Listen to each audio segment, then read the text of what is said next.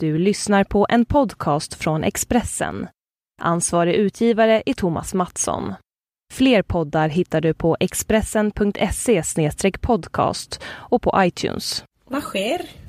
Eh, icke nå. Hur går det med käresten din? Har du hookat upp med någon? inte hookat upp, alltså bara hookat. Har du hookat upp med någon dritsäck? Han är sån galen dritsäck. Alltså om jag får kalla dig vad jag vill, då kallar jag dig dritsäck.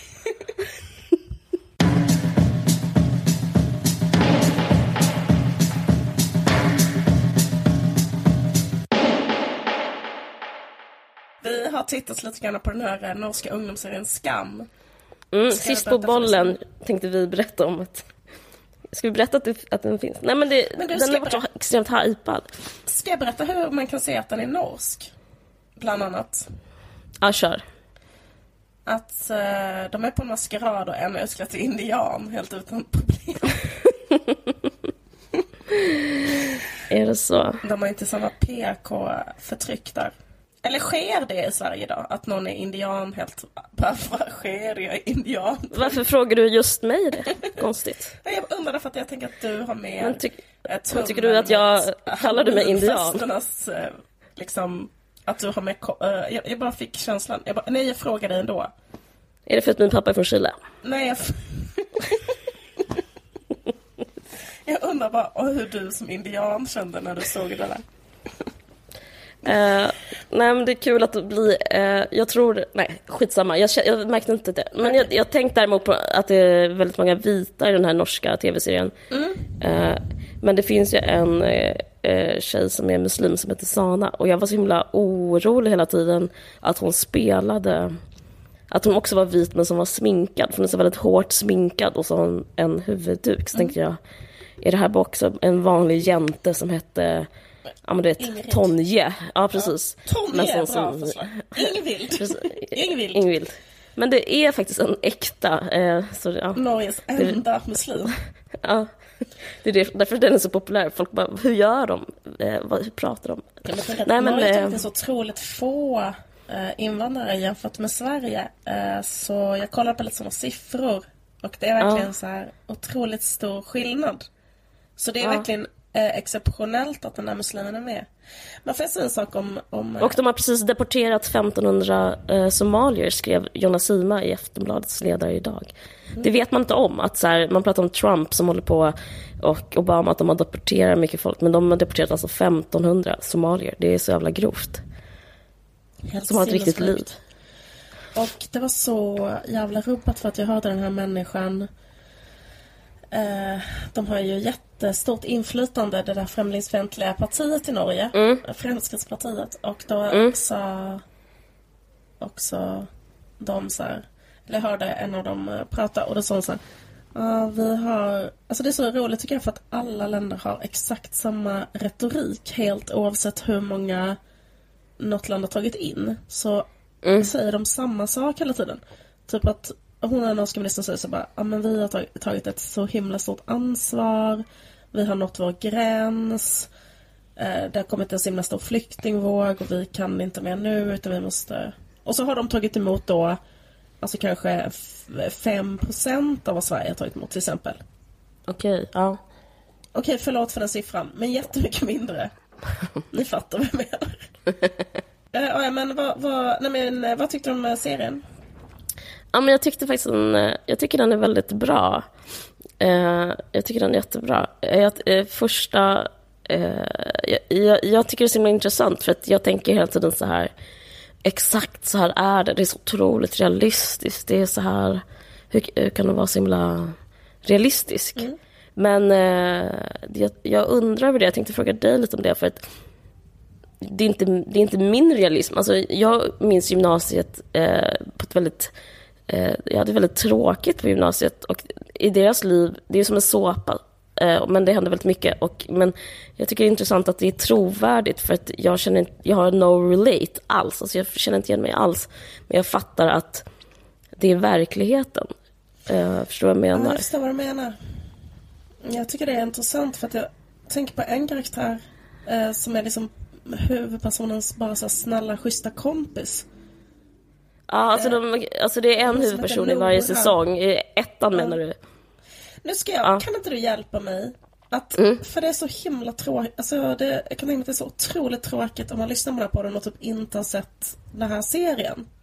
Att du ska försöka prata på ett sätt som gör att inte någon som inte har ja, sett det, den Vi kan säga jättegenerellt att det handlar om Jättegenerellt så handlar det om en gymnasieskola i Oslo. Precis, men jag skulle säga att det är väldigt typiskt i sådana här att det finns en person som det händer saker.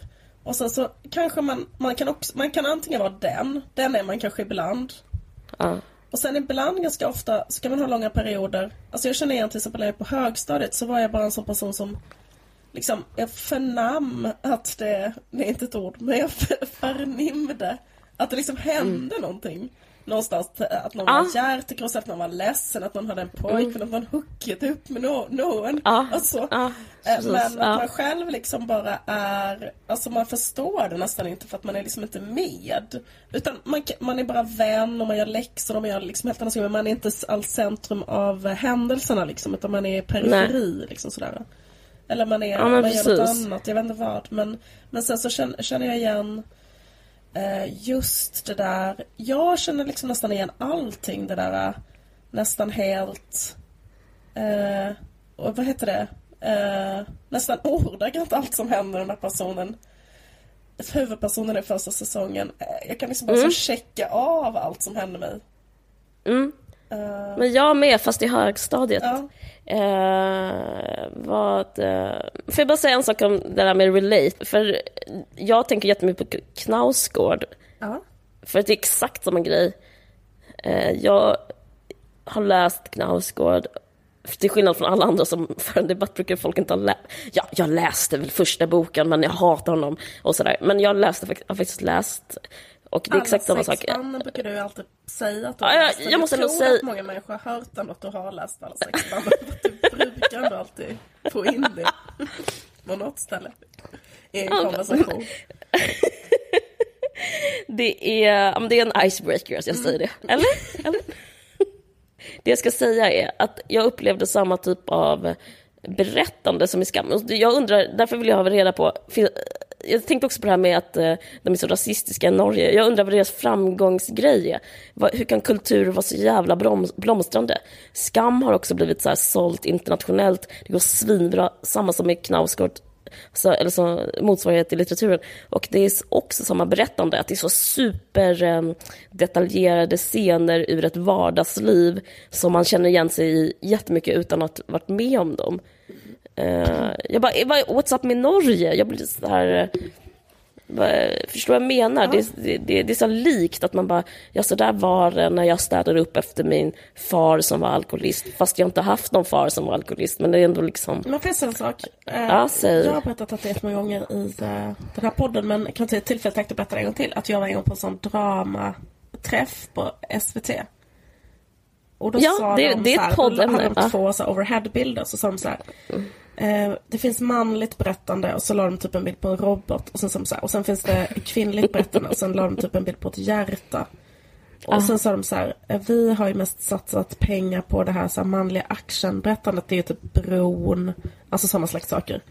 Eh, alltså ah. lite mer eh, att det är så här våld och snutar typ. Ah. Sen har vi liksom en sak som kallas kvinnor och de vill höra om relationer. Men vi har inte så mycket eller typ att det var något de så saknade. Fast sen gav mm. de ändå inte pengar till alltså förslag som, eller sen har de ändå inte Nej, jag, menar, jag menar bara att, att liksom i, i Norge att de har alltså gett pengar till så kvinnliga upphovspersoner som har skrivit manus som handlar om tjej, unga tjejer och så har de mm. gjort jättemycket research och så har de gjort liksom ett jättebra, jätteintressant drama om unga tjejer. Jag bara menar att det kanske var det som gjorde att det blev bra. Att det, att det blev en serie som många tjejer ville kolla på. Så, eh, så du tror inte det finns något i norska essensen, det jag tror? jag tror att det var att, de, att SVT bölar för att ingen mellan 15 och 30 tjejer kollar på SVT. Och då undrar jag, ja. och då sitter de bara och skriker till de 15-åringarna. Varför kollar ni inte på bron? ja. Horor. Men, men jag tänkte också att det har med pengar att göra. Och jag, fan, det skulle, jag hade faktiskt en eh, tanke om att Oj, inför den här podden skulle... på. Ja, förlåt. Ja men precis, ha, men det, det jag undrar, jag skulle göra research, jag gjorde inte det, men det är tanken som räknas, eller hur? Mm. Så att jag, eh, jag bara undrar, alltså är det så att, de, att kultur får pissmycket pengar, är det så det är? Jag vet inte. Men man Nej. skulle kunna tänka sig... ehm, jag vet inte. Men, det, men de har, den, de har jävligt, den är jävligt satsad den här, alltså det är därför det är så bra också. De, jag bara liksom, de byter miljöer, de har så kameraflygningar, de har så otroligt många statister. Alltså det är otroligt, ehm, vad ska man säga, arbetat. Ja. Det är klart att det är bra liksom. Och sen har de tydligen gjort jättemycket så att de, den bygger på typ miljarder intervjuer med ungdomar Mm. och sånt. Ja. Precis. Ehm, jag tänkte på att den handlar om typ tre saker som jag- nästan aldrig ser aldrig sett skildrat. Det här är ett sånt jävla tema att jag på tjat om så här, oj det här är första gången. Men jag tänkte så här, en sak som jag tyckte var så jävla intressant. Sen får vi tusen mejl om så olika... avsnitten. Att det handlar om att man är ihop med en kille som hela tiden säger till en att man är dum eller att man känner sig sämre än, alltså den jag tyckte det var så jävla bra i den här serien att man bara fångar sådana pyttesmå Mm. eh, pytte, alltså väldigt subtil liten grej som att han har bättre betyg, han är lite smartare och så säger han hela tiden till henne, typ mobbar henne så på skoj, så här, du är så gullig för du är så korkad. Mm. Eh, och eh, ja, jag vet inte. Jag eh, hade exakt ett sånt förhållande eh, hela tiden när jag gick på gymnasiet. Och det är så jävla speciellt för det är så himla konstigt så här, den typen av sexism. Att man är Mm. ihop med någon som är jätteung och men de ändå beter sig som en sån Alltså det är jättemärkligt för man, det Mm. känns ju som att så här, oj, sker det här? V- vad sker? Men jag menar att det är så konstigt den här Mm. grejen att så här, eh, man blir liksom nedtryckt eh, för att man är eh, korkad eller inte kan någon fakta eller har dåligt Mm. betyg. Alltså det finns en viss typ av kille som har så bra betyg som kan vara så lite grann. Mm. Och eh, ja, det, det har jag nästan aldrig sett så här, skildrat. Jag tyckte det var Nej. skitbra. Och just Ja, att verkligen. tjejer ofta anses korkade eller att det finns en sån grej att man är en bimbo eller att man är typ om man är en ung tjej så, så är det liksom en, en jättevanlig grej att man hela tiden får det på sig att man är korkad. Ja, det eller det andra. Alltså, för jag tänkte, det är så jävla intressant att du tar upp det, för jag tänkte ta upp det andra. Eh, som också är en sexism, och det är typ att kalla någon brainy, alltså brainy. Ja, ja. Alltså typ att man är så här, om någon är smart, om typ en 16-åring är smart och en 18-åring stöter på henne på ett sexist, då, sexistiskt sätt, då så tar han upp det som också ett ret. Så typ så här, eh, nästan så här dubbelbestraffning i den här snäva, snäva eh, så här retligheten. Att man är Eh, antingen man så här, som han sa, så att, åh du, du är så bra, men du kan ju knyta dina skor, hahaha, och du kan ju Mm. i alla fall gå själv. Eller så är det så här att man stöter på en tjej som, som är så uppenbart jättesmart och så trycker man ner henne för att hon är det eh, för som det händer en tre, det- det tredjeklassare gör mot en av de där första Ja precis, klassarna. det händer ju henne samma grej. Att en kille tycker Mm. att hon är dum i huvudet och en kille tycker att hon är Jaha, du är lite brainy. För, alltså, ja. Ja, Men, eh, ja, men det tyckte jag var det känner jag igen jättemycket, att man tar någons, eh, till exempel mig, nej men det, det, typ, det har jag fått höra så här att, att man ska... Så jävla har försökt göra. Att du blev mobbad för att du var brainy. Jag blev mobbad för att du var dum. Ja, men jag har blivit det. Inte mobbad, men typ så här nedtryckt. av en kille. Typ, Ja. typ så här att man har tagit någonting som har varit en så här lite ident identitet eller vad fan, eller bara en jävla egenskap och sen så, så här blåst upp den och så ska man bli självmedveten. Och det är så bra att serien heter Skam, för det så här slutar i den, det slutar bara att så här, man skäms för att man är någon. Man bara skäms för att man säger ja jag hade rätt på provet, okej jag skäms för att jag hade inte de här rätten på provet. Alltså det är, Just så, det. det är så jävla underbart att det är samma serie som som visar den så jävla lilla, lilla utrymmet man som jämte rör sig på liksom, Ja. med eh, idioter. Det, det är så jävla bra tycker jag. Ja, verkligen. Och sen den andra grejen bara tyckte som var intressant att de skildrade. Det var att det börjar med ett par som bara redan typ har varit ihop jättelänge och typ har det lite knackigt. Ja. Och sen bara, alltså det är inte en, en historia, för nästan alltid annars är det tar det sin början med ett span eller någon stor kärlek, så slutar det i äh, den här finalen mm. att man blir ihop och sen efter det får man aldrig veta vad som händer sen. Men mm. hela den här äh, första säsongen i alla fall rör sig bara kring deras här, ups and downs. Och det är typ mm. rätt tråkigt och han kanske förtrycker henne lite grann men hon är ändå kär i honom. Sen kanske ha, hon, hon är otrygg. Alltså det liksom bara pågår på det här sättet. Mm. Och det ja, tycker jag också var så här, eh, bra, eller känns lite ovant. Men jag undrar över det, för det, det, är ett, ja, alltså det kanske låter fånigt, men jag upplever att det är ett jättestort mod.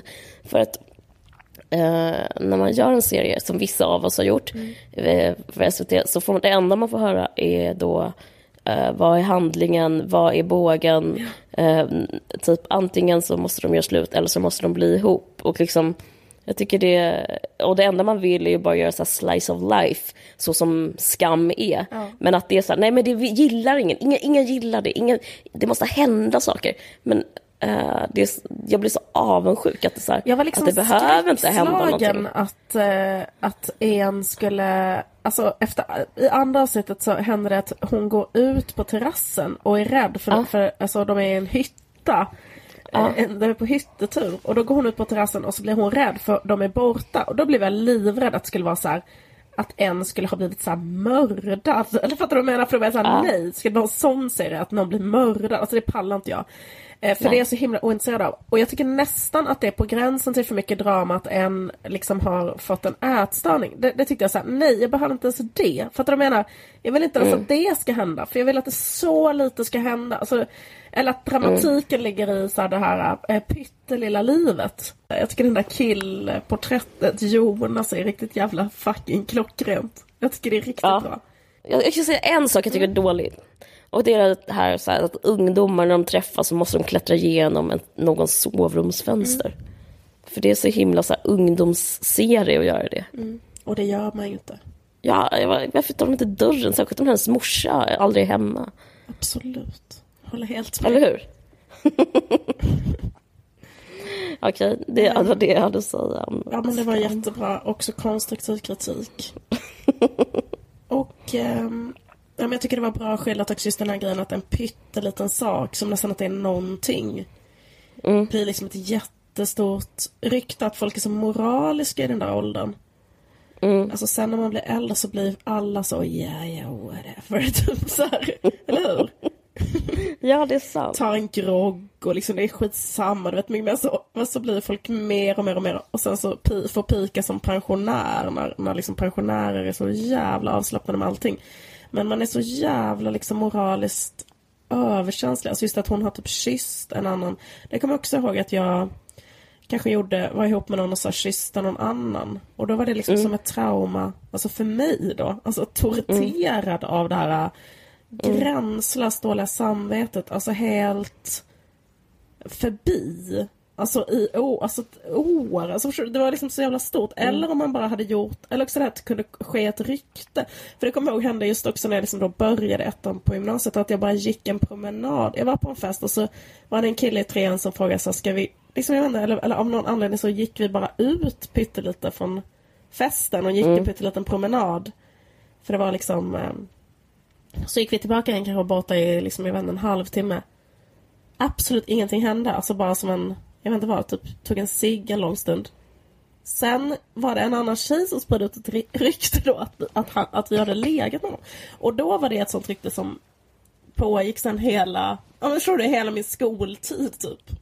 Vad var det? Nej jag okay. Ja men det var så jävla konstigt. Ja. Uh, alltså det var bara ett sånt konstigt liv. Att det är sån ja, men jag kommer ihåg att jag, alltså att jag också kysste min... Lite ja, inte superhederskultur. Alls, jag vill inte förringa hederskulturer.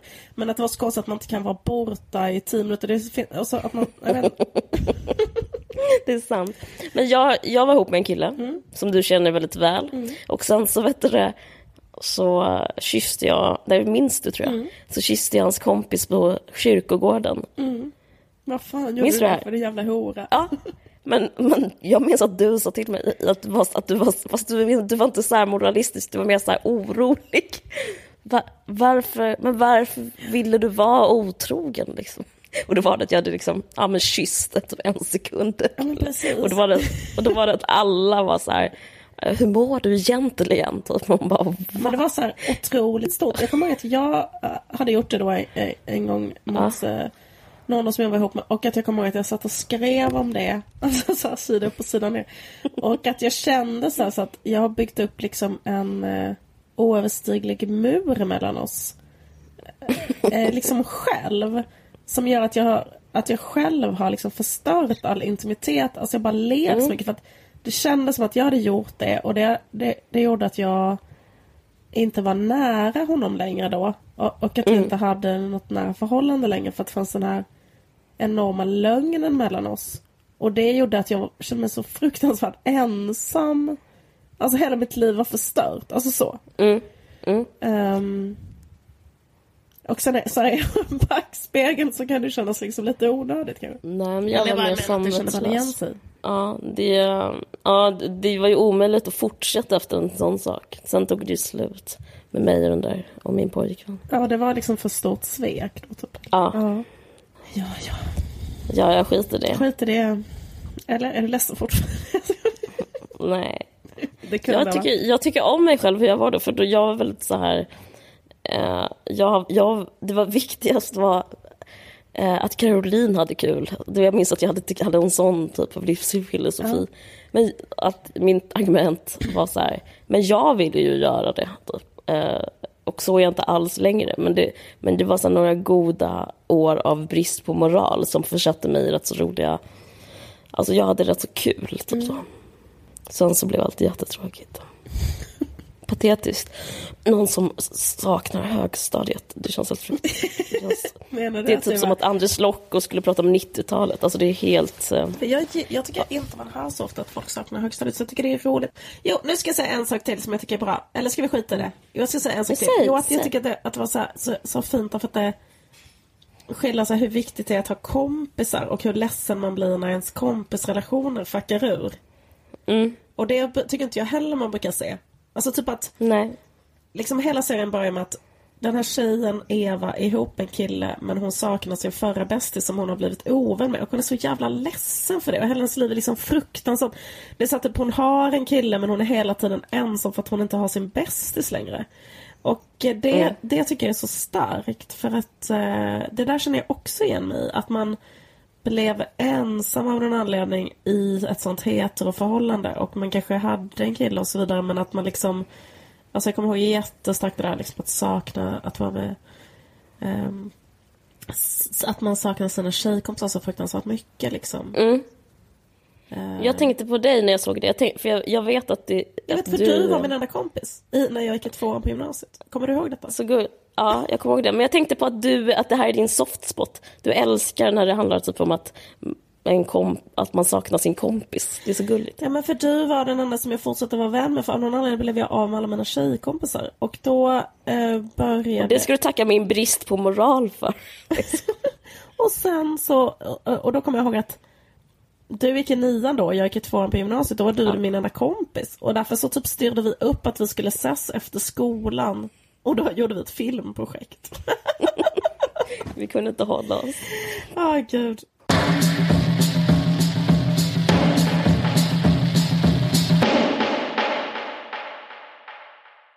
Du hade en så fin um, uppdatering idag på Facebook.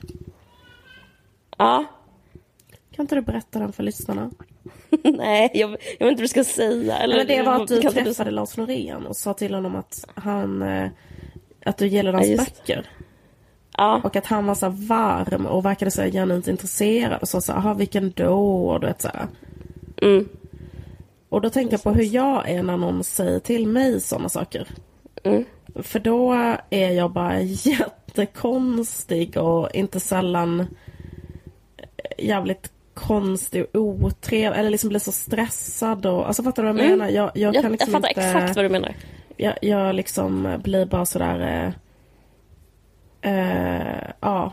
Och eh, det är, lite, det är lite synd. Men jag menar jag tror att det handlar om, eller, eller ofta så att man liksom inte bara kan vara en så jävligt skön person som Lars Norén är. ja. Ska jag bara. Men han var jävligt skön, jag måste nog säga det. Han mm. var fan skön. han var det. Han var så lugn och fin. Men uh, nej, men det är sant. Men han skriver i sin dagbok att han inte ger fler intervjuer så att jag tror han också hatar det. Okej. Okay. Men för att jag eh, tänkte att han... Det kanske är för att han inte ger intervjuer som han ändå kan tycka att det är så intressant att ha sådana interaktioner då. För då är han inte helt utbränd på att så här, eh, hora ut sig själv och så. Så man kan ju känna sig så lite grann om man ger mycket intervjuer. Att man känner sig som en eh, människa som liksom eh, gamar pickar mm. ur eller sådär. Mm. Inte för att vara dramatisk. Drama.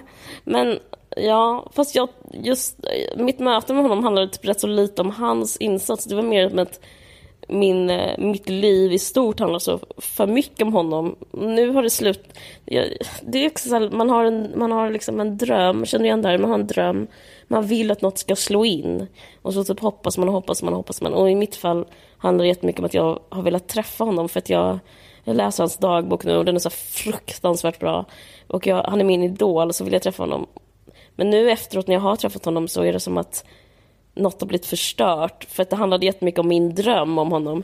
Så nu, eh, vi bor på samma gata och så nu tänker jag, hoppas jag inte träffar honom för då tror han att jag är en stalker. Jag vill inte träffa honom igen, jag, vill inte, typ, jag kan inte säga en gång till att hans bok är bra.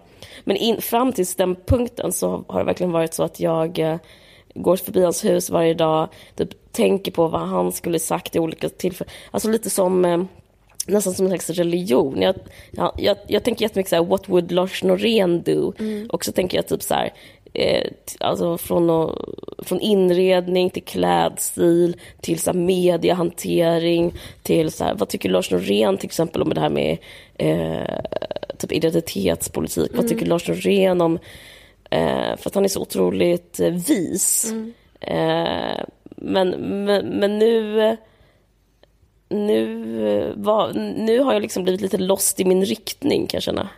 Var, var, varför ville du just träffa honom? Alltså vad tror du skulle hända, eller vad var det du längtade efter med att träffa honom? Det vet jag inte. Det är det också det, jag kan tänka, därför det är så sopigt tänker jag med den relationen idol och fan. För att det finns liksom ingenting där. Nej, jag vet. Det bara är ingenting och det, är liksom, det kan bara falla liksom hårt.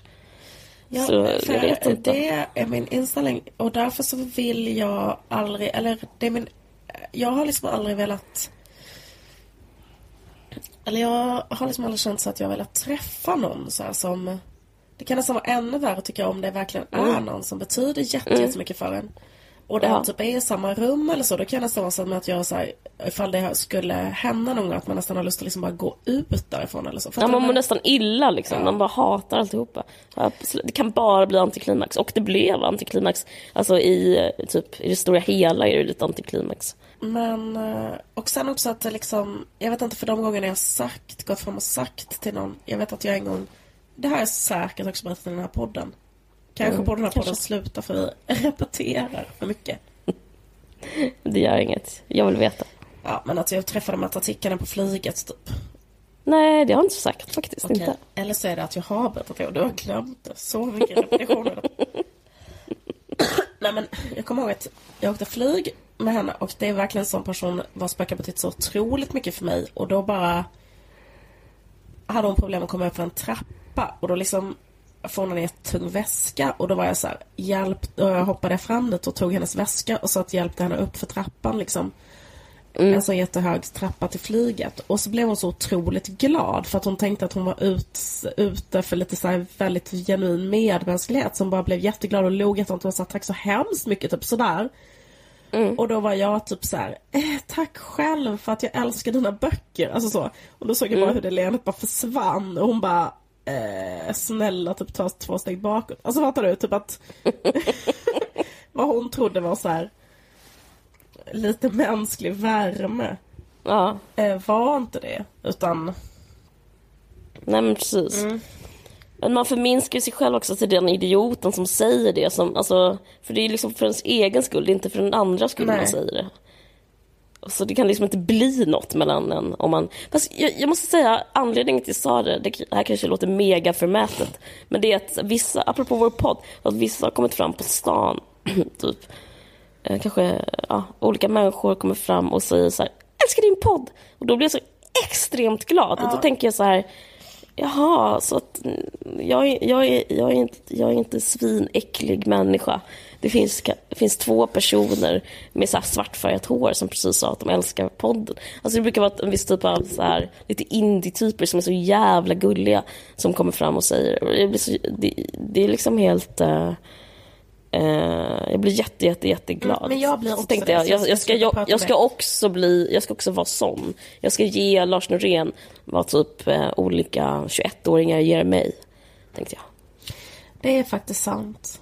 Han blir säkert svinglad. Som en sån ashet ung kvinna. Så att han är bra. Typ inför hans vänner. Ja, hoppas han tr tror att jag liksom inte kom från Sverige, för då tänkte jag att han skulle bli glad för att, att han är så bekymrad över att alla, att allt är så likriktat. Han kanske tänkte att jag var en in, nyanländ som hade så här, att hans böcker läses överallt. Ja. Det hade varit jättefint inte. om du liksom fick ge honom det. Ja, men det, är det, jag menar. Det, var det, det var det jag tänkte när jag gick därifrån. Rätta mig om jag har fel, men jag tror att om man verkligen känner så himla starkt att man måste skriva så här varje gång man har årsdag, typ så här nu, hela historien hur man träffades och nu är det två år sedan vi träffades här på den här platsen, du såg in i mina ögon, bla bla bla bla bla, klyschorna haglar. Att man verkligen, och hjärt-emojis alla som finns. Då är det liksom, då känner jag så här, men hur bra är ett förhållande egentligen? If you have to parade it around. Vill du höra mer av Singelrådet så kan du göra det jätte, jätte, jätteenkelt via vilken poddplattform som helst.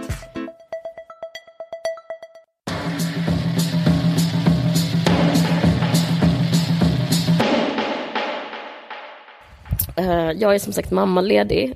Mm. Har du sagt det? Och jag, har sagt, jag har sagt det. Uh, men jag är i alla fall det. Uh, men jag tycker det är så intressant. Nu har det gått ett tag, så nu börjar det så här lägga sig. Men jag upplever liksom en helt nya...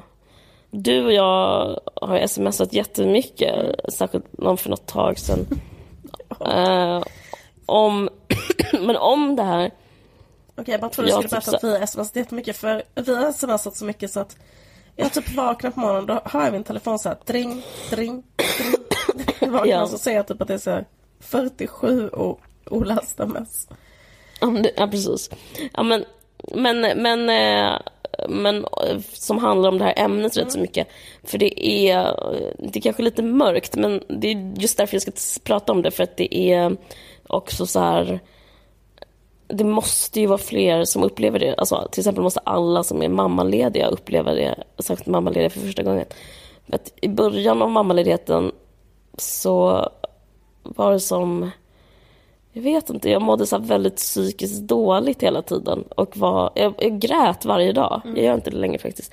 Och allting var eh, väldigt eh, jobbigt. Och sen så kom det såklart med jättemycket skam och sådär för att jag älskar mitt barn och, och jag vill vara mammaledig och eh, hon är underbar och, och jag, jag är inte dålig mamma. Alltså det är typ det som jag måste så här, känna att jag måste säga så här, men jag eh, det är inte för att jag är misslyckad jag gråter, men, men, så, men så träffar jag en underbar genusforskare jag som jag börjat umgås med. Ja. Får jag fråga en sak? Eh, liksom, ja. i vilket, eller liksom, när du grät, så var det som att grå, men ska jag berätta hur det var? Alltså, Apropå feminism. Är det för att du känner att det är så jävla jobbigt? Ja, typ alltså det, det är i stunden. Ja. Det var ju den största snöstormen på 111 år mm. eh, i Stockholm. Och då var det typ att jag gick ut eh, med vagnen. Apropå, det har varit mycket så här hån om feministisk snöröjning, typ att det är fånigt. Jag hade fan eh, jag är verkligen för feministisk snöröjning. För så här, under tiden så här, olika så här, suvar körde förbi mig så gick jag eller kom, kom jag inte fram på så här, en så här ogenomtränglig trottoar, så fastnade jag med hjulen på barnvagnen. så var jag tvungen att så här, ropa till typ en, eh, en sån här snöröjare på tak, kan du komma ner och hjälpa mig bära, dålig svenska, för, språkförbistring. Allt var så här, alltså, allt var så här svinjobbigt, eh, bussar indragna. Och till slut bara stod, befann jag mig, mitt barn bara grät. För att hon kanske var hungrig, hon kanske var trött, jag vet inte. Men hon bara varit i vagnen väldigt länge, för vi kom ingenstans.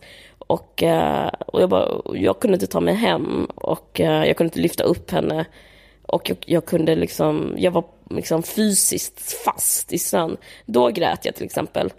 Och det, det, nu låter det som ett så väldigt så extremt, men det är så, här, det är så olika men det är sådana grejer som, som, som händer ja. när allting känns så jävla övermäktigt. Typ det är så ja. för mycket att göra. Ja men exakt. Ja, men, men det behöver inte vara snö utan Nej. det kan också vara liksom en slags eh, eh, att liksom nästan som när man istället för att göra någon slags utandning, man tar sig ett djupt andetag så, bara så kommer det så lite tårar. Det är typ mer sånt ja. på en gråt. Man bara, och sen så bara, okej, så torkar man sina tårar och fortsätter. Mm. Ja, men i alla fall så träffade jag en kompis som är också är så här, eh, genusforskare, så pratade hon, hon är också nybliven mamma, och så pratade vi jättemycket om det.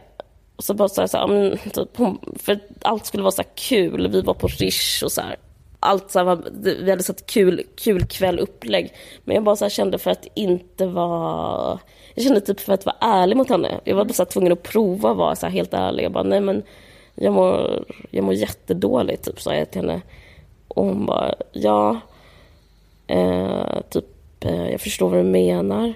Och så, så började vi prata om hur, hur nytt det var att som kvinna 2016 att, jag, jo, så sa jag så här, men det är konstigt att jag vet inte exakt, och samma som nu när jag ska prata om snödrivan, det känns som att jag måste legitimera genom den här ja. snödrivan.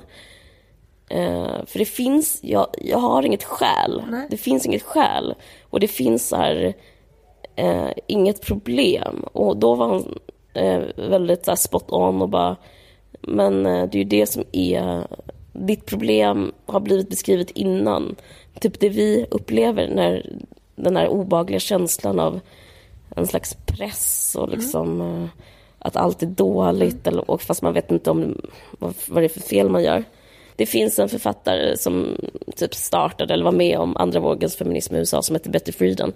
Som pratar och hon har skrivit en bok som heter Feminine Mystic. Och eh, första kapitlet heter just The Problem that has no name. Och det, det, jag känner inte till henne, men det är så himla intressant att det enda som beskrivs i den boken är så olika kvinnor. Som, det är 200 kvinnor som blir intervjuade och alla mår, alla är så under isen. Mm. Och de känner att de inte...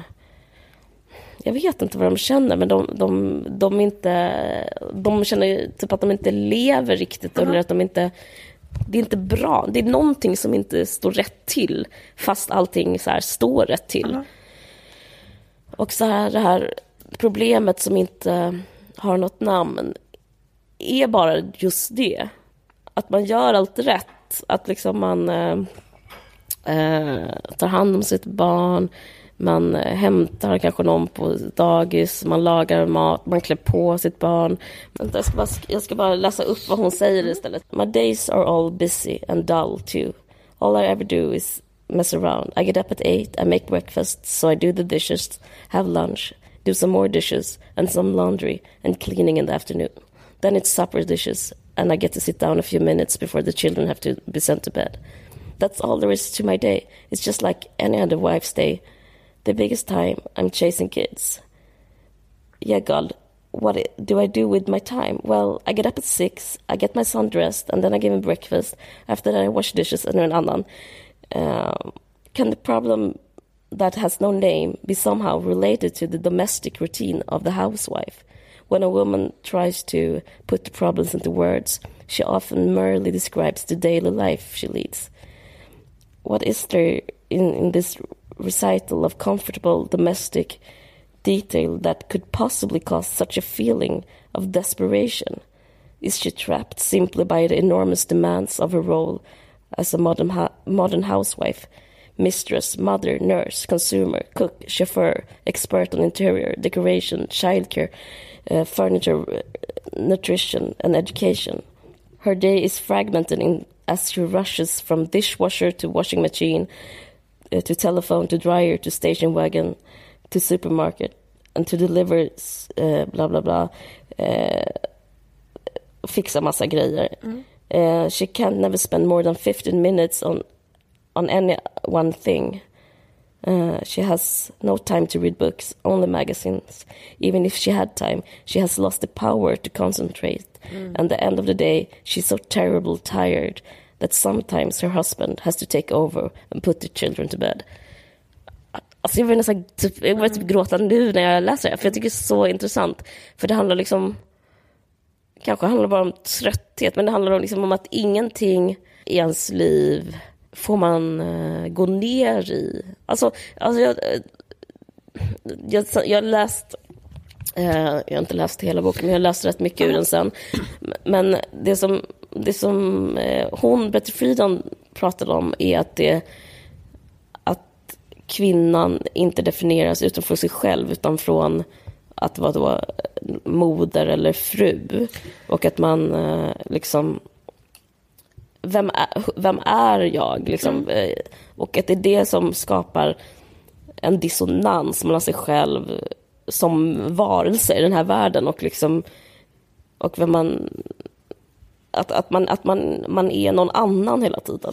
Ja, men det var så jävla intressant man... att hon är liksom, ja. eller så här, den här boken kom ut typ i USA så 63 ja. typ och den Aha, ja. handlar om att hon intervjuade en massa eller hon, hon liksom studerade ju massa hemmafruar. Mm. Och på den mm. här tiden så var ju liksom, eh, det fanns ingen, ingen som hade någonsin tänkt på att det skulle kunna kännas jobbigt att vara hemmafru typ.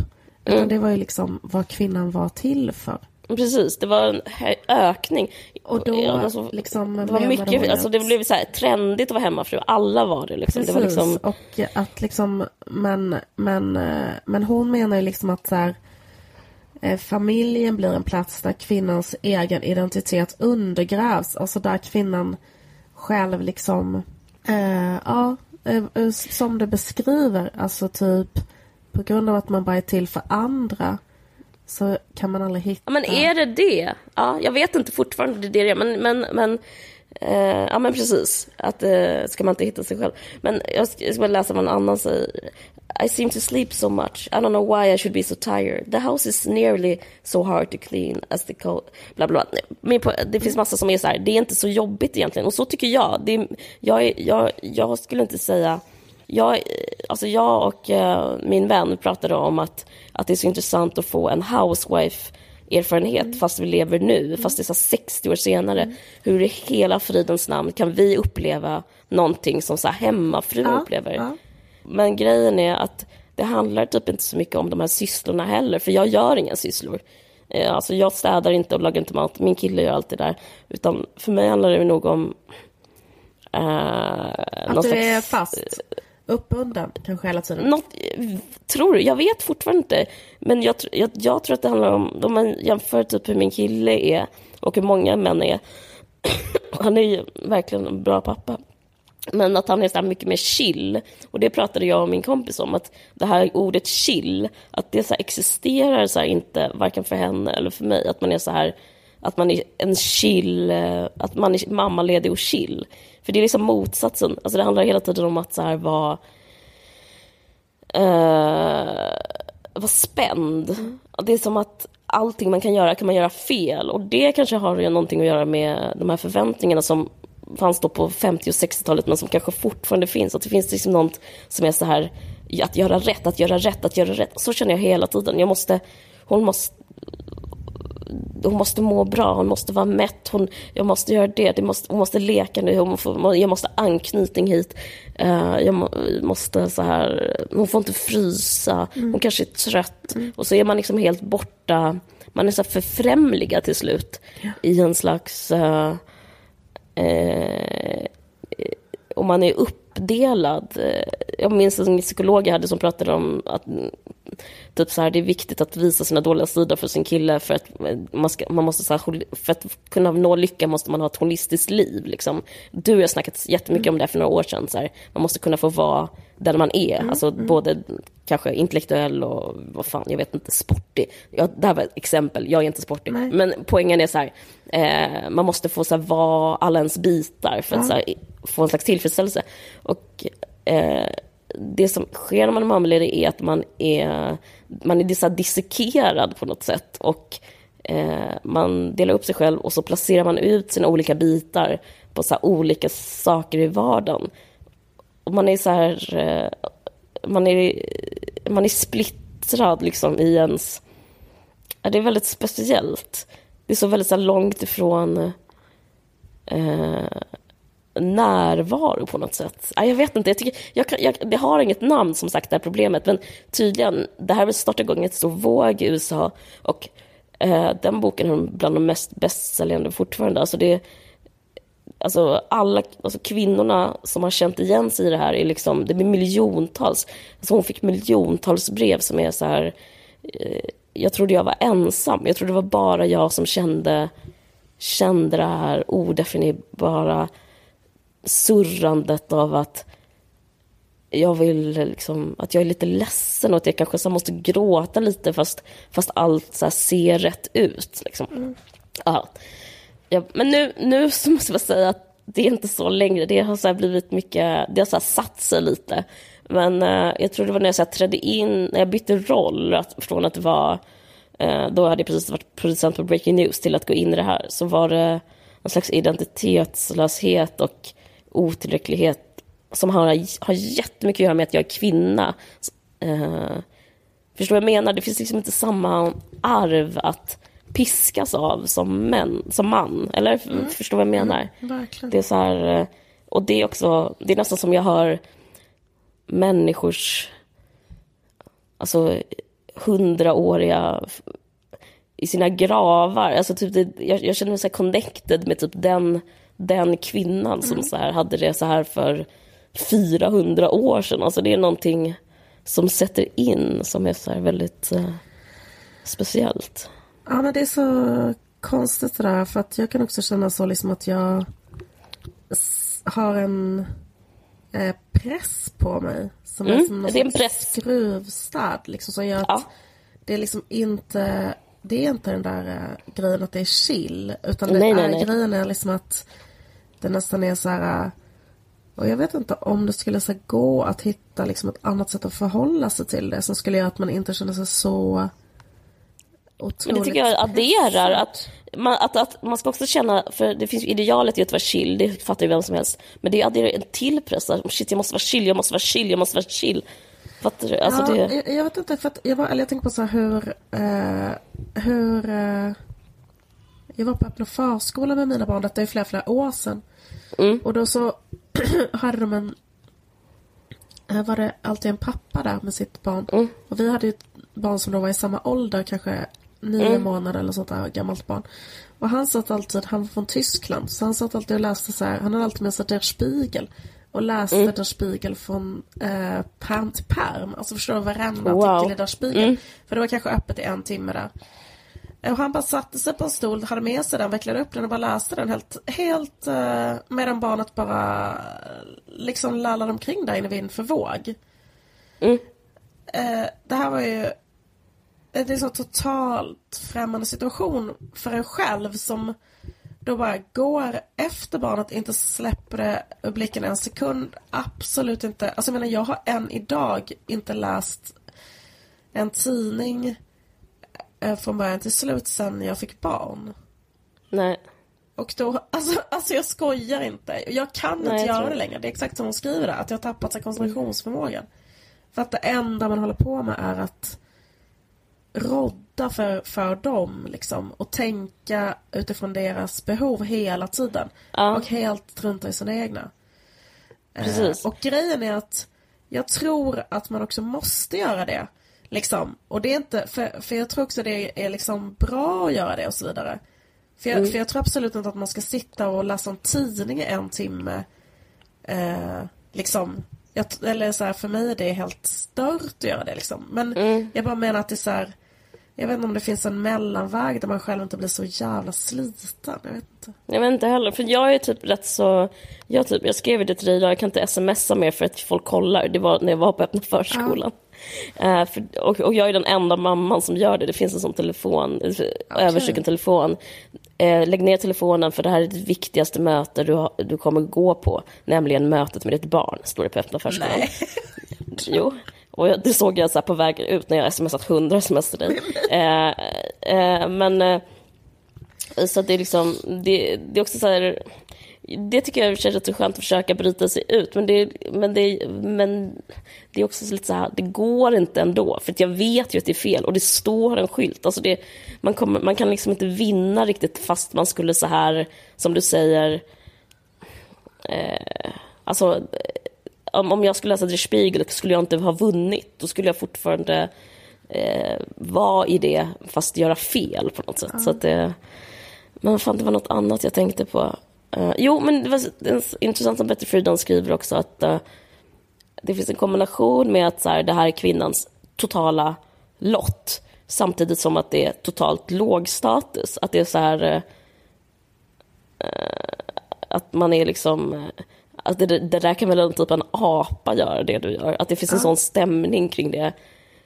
Och att man är så själv, ja, en apa skulle kunna göra det här, men ändå så mår jag skit. Liksom, att, det, att det finns liksom ingen, eh, det finns ingen andrum där man kan vara så här, jag tycker det här är jobbigt.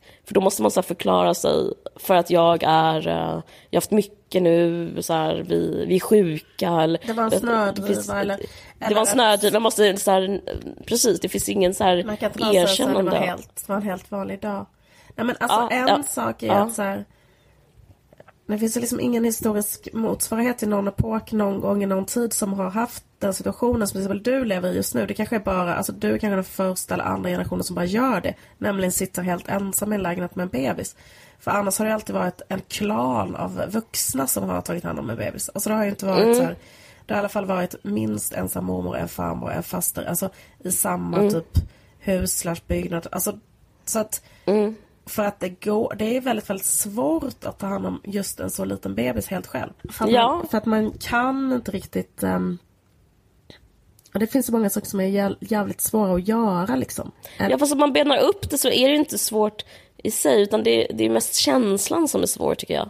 Ja men ja precis. Men eller ja, och fast det också tycker jag, alltså speciellt, jag vet inte men uh, Jag upplever att, att uh, Alltså med ett barn var okej okay, men att vara helt ensam med två jättesmå barn.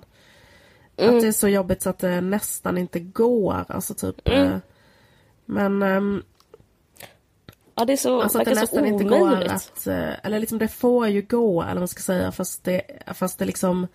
Mm. Ja, men jag kommer ihåg just den här situationen så att man är själv med två små barn hela dagen och sen så typ att. När min kille kom hem och liksom så tog över dem att jag bara så här, mötte honom i dörren och bara gick ut direkt när han gick in och sen så bara gick ut på gatan och bara grät och grät och grät. Alltså bara gick liksom på mm. gatorna runt huset bara för att så här, jag måste bara ut ur lägenheten och jag måste bara eh, mm. bryta ihop för att jag har typ hållit mm. ihop i så här, kanske sju timmar eller åtta timmar. Eller mm. nio timmar. Ja. Eh, i, så här, på total bristningsgräns liksom. Shit vad intressant, men jag tror att det är så. Men typ att... Uh... Alltså är inte så, varje dag liksom. Men nej, nej, det är inte så varje händer. dag. Men att, jag tror ändå att kvinnor känner igen sig i det. Men att det är, det är för uh, naturvidrigt för att liksom det ska få plats i någon slags berättelse om att uh, ha ett bra liv. Alltså, det passar inte ihop. Då kan man inte säga att man är lycklig samtidigt. Alltså, då kan man inte säga att man är kär i sin man eller älskar sitt barn. Utan mm. liksom det, eh, de, de upplevelserna och de känslorna är, är liksom förpassade till, eh, till bara någon slags uh, luddigt mål någonstans som så här, alla så här, håller på att tränga undan. Jag vet inte vad som är rätt sätt. Man kan ju gå, jag vet inte vad som så här, jag vill, bara, jag vill bara berätta det för att jag vill så berätta att det, det kan vara så. Typ. Det, var, det var bra. Det var fint att du gjorde det. Uh, ja, okej. Okay. Men uh, tack för att ni lyssnar. Mm. Uh, vi hörs om två veckor. Puss och kram.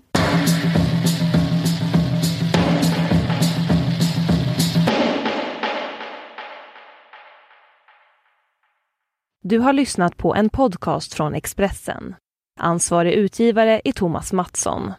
Fler poddar hittar du på expressen.se podcast och på iTunes.